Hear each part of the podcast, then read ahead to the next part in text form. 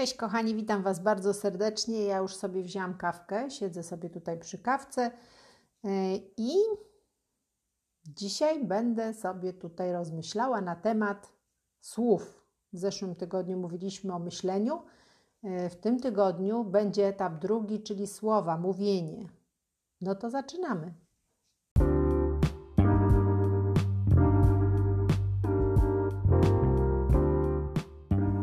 To jest podcast Rozkminy przy kawie, a dzisiejszy odcinek nosi tytuł Słowa.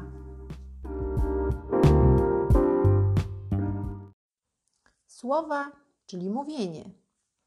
Jak zajrzałam do słownika, to przeczytałam, że mówienie to posługiwanie się słowami w celu komunikowania myśli i przeżyć lub przekazywania informacji. I teraz mówienie mogą być różne rodzaje mówienia. Może być mówienie do siebie i mówienie do kogoś. E, ja chciałam króciutko skupić się na tym mówieniu do siebie, bo kiedyś wydawało mi się, że to osoby, które mają jakieś problemy psychiczne, to tak mówią do siebie. E, ale z drugiej strony ja zawsze to robiłam e, i jak byłam sama, oczywiście zdarzało mi się to bardzo często, czasami nawet zapominałam się i mówiłam to przy kimś. Wtedy mi się robiło trochę głupio, no bo pomyślałam sobie, uznają mnie za chorą psychicznie. Myślałam też o tym, żeby to ograniczyć, żeby to jakoś y, przezwyciężyć, starać się y, tylko myśleć, nie mówić tych myśli swoich na głos, y, ale już dzisiaj wiem, że nie warto. A dlaczego? Bo dowiedziałam się, że mówienie do siebie to jest coś po pierwsze normalnego, po drugie użytecznego.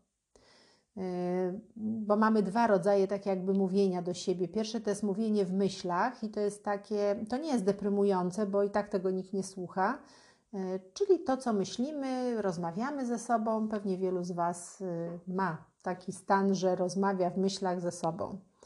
Natomiast mówienie do siebie na głos, no mnie się to dosyć często zdarzało i osoby, które słyszały, czasami śmiały się z tego. Natomiast naukowcy zbadali, dlaczego mówienie do siebie jest użyteczne. Bo po pierwsze, pomaga w rozwiązywaniu problemów. A dlaczego? Bo uaktywnia mózg, pozwala lepiej skupić się na konkretnej myśli czy rozwiązaniu. Czyli jeżeli mamy coś bardzo trudnego do rozwiązania, warto ze sobą porozmawiać na głos, warto wypowiedzieć te wszystkie myśli czy jakieś argumenty, czy kwestie do zastanowienia się, wypowiedzieć na głos, dlatego że wtedy mózg się uaktywnia i łatwiej znajdzie rozwiązanie. E, po drugie, mówienie do siebie jest użyteczne, ponieważ pomaga w motywowaniu się do wysiłku, czyli możemy sami się motywować.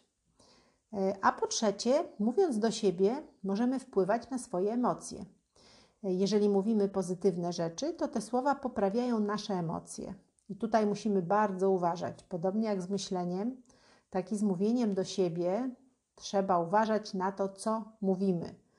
E, jeżeli będziemy wypowiadać złe słowa na swój temat, jeżeli będziemy mm, e, się słownie karać w jakiś sposób czy e, obwiniać, to nie poprawi stanu naszych emocji.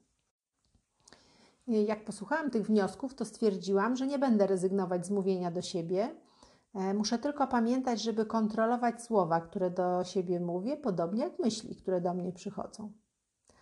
E, I drugi sposób mówienia to jest mówienie do innych.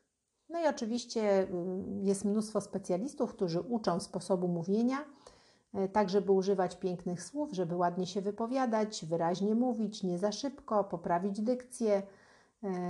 Tego powinni się uczyć szczególnie ci, którzy przemawiają do większej ilości osób E, ja nie mam w ogóle takich umiejętności. Mnie jest bardzo trudno mówić, wolę coś napisać, mm, ale e, to, na co od jakiegoś czasu zaczęłam zwracać uwagę, to to, żeby używać, e, uważać na słowa, jakie wypowiadam do kogoś i na sposób, w jaki to mówię.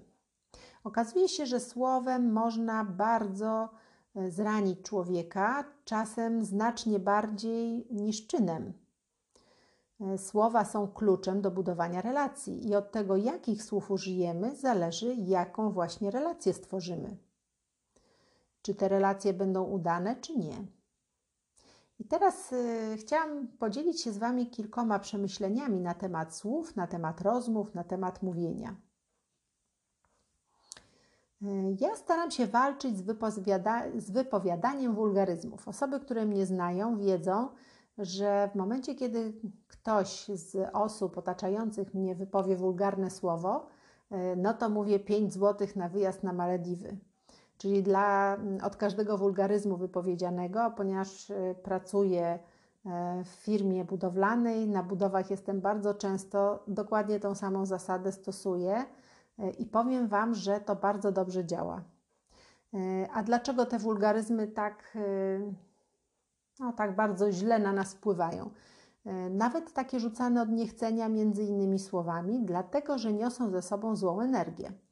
E, I my nie zwracamy uwagi na to, chcemy mieć dużo dobrej energii, mm, chcemy uniknąć tej złej, a bezwiednie na siebie sprowadzamy właśnie takie złe emocje, złą energię, używając tych słów.